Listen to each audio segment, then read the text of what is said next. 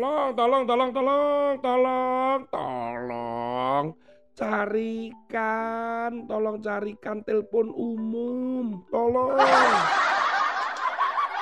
Demikian kira-kira lah teriakan uh, warga Kope, kota kecil di Colorado ketika bilik telepon umum mereka tiba-tiba hilang.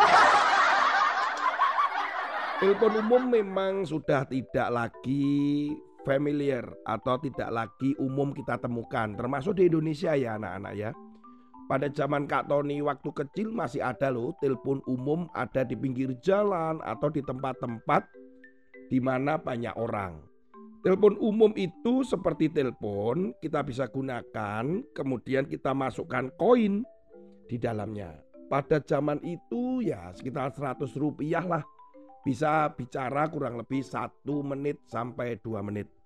Kemudian berkembang dengan telepon umum menggunakan magnet atau kartu magnet. Nah, sejak adanya handphone, maka telepon umum itu mulai satu demi satu akhirnya hilang atau diambil oleh pihak-pihak uh, Telkom atau Telekomunikasi Indonesia. Nah, tetapi telepon-telepon umum itu juga bisa menjadi ikon atau menjadi hal yang bersejarah. Termasuk bagi warga Kope, sebuah kota kecil di Colorado, Amerika Serikat ini. Warga yang ada di kota ini memang sedikit anak-anak, kurang lebih cuma 56 jiwa saja. Nah, tetapi orang yang berkunjung ke kota Kope ini akan menggunakan telepon umum itu atau biliknya seperti rumah kecil begitu menjadi ikon yang mereka senang foto di situ. Bisa saat selfie atau wifi. wifi, wifi. Nah, baru-baru ini mereka kehilangan ikon itu, kehilangan lambang atau simbol daripada bilik telepon umum itu. Telepon umum itu biasanya ada di taman kota dan tiba-tiba di suatu hari hilang. Waduh, siapa nyuri? Sampai warga kota itu berteriak di media massa dan tanya di mana telepon umumnya, di mana telepon umumnya, telepon umum sebesar itu kok hilang. Sebesar loh itu bilik itu kan seperti rumah-rumah gitu kan, rumah kecil begitu. Bilik telepon umum ini semula tidak di taman kota anak-anak tapi semula itu ada di dekat pom bensin di kota itu. Tetapi beberapa waktu yang lalu dipindah ke dekat taman kota. Sampai salah satu warga berkata, bilik telepon itu bagian penting dari sejarah kota kami. Tapi sampai berita ini diturunkan atau Kak Tony membaca, masih belum ada berita siapa yang teriak-teriak itu akhirnya benar-benar warga itu mendapatkan kembali bilik teleponnya.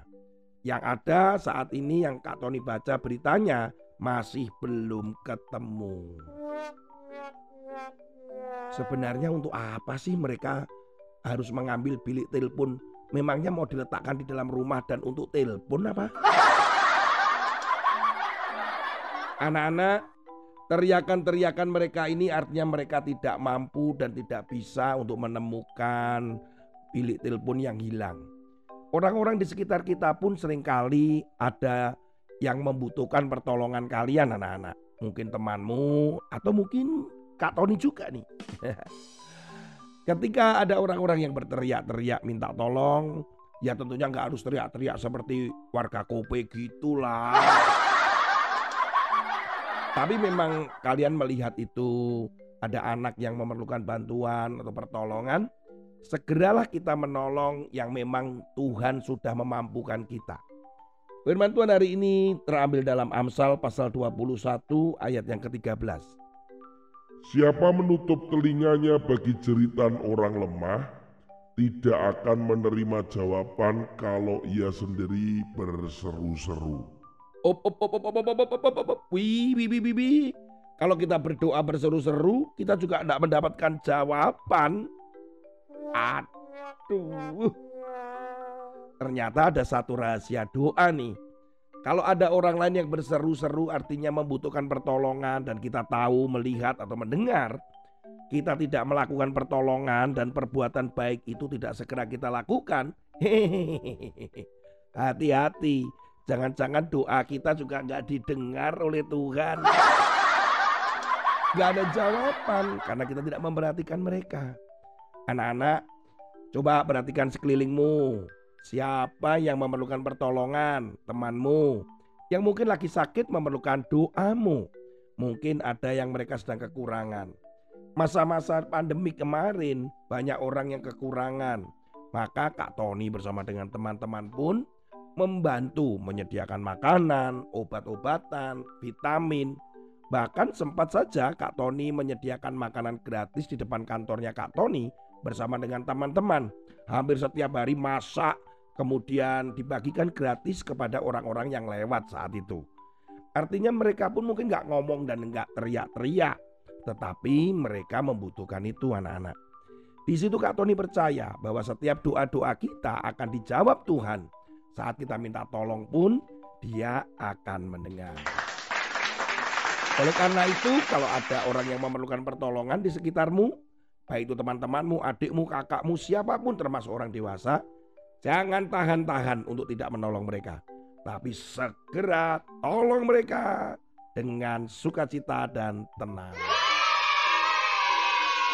Sampai ketemu pada episode yang lain. Tuhan Yesus memberkati.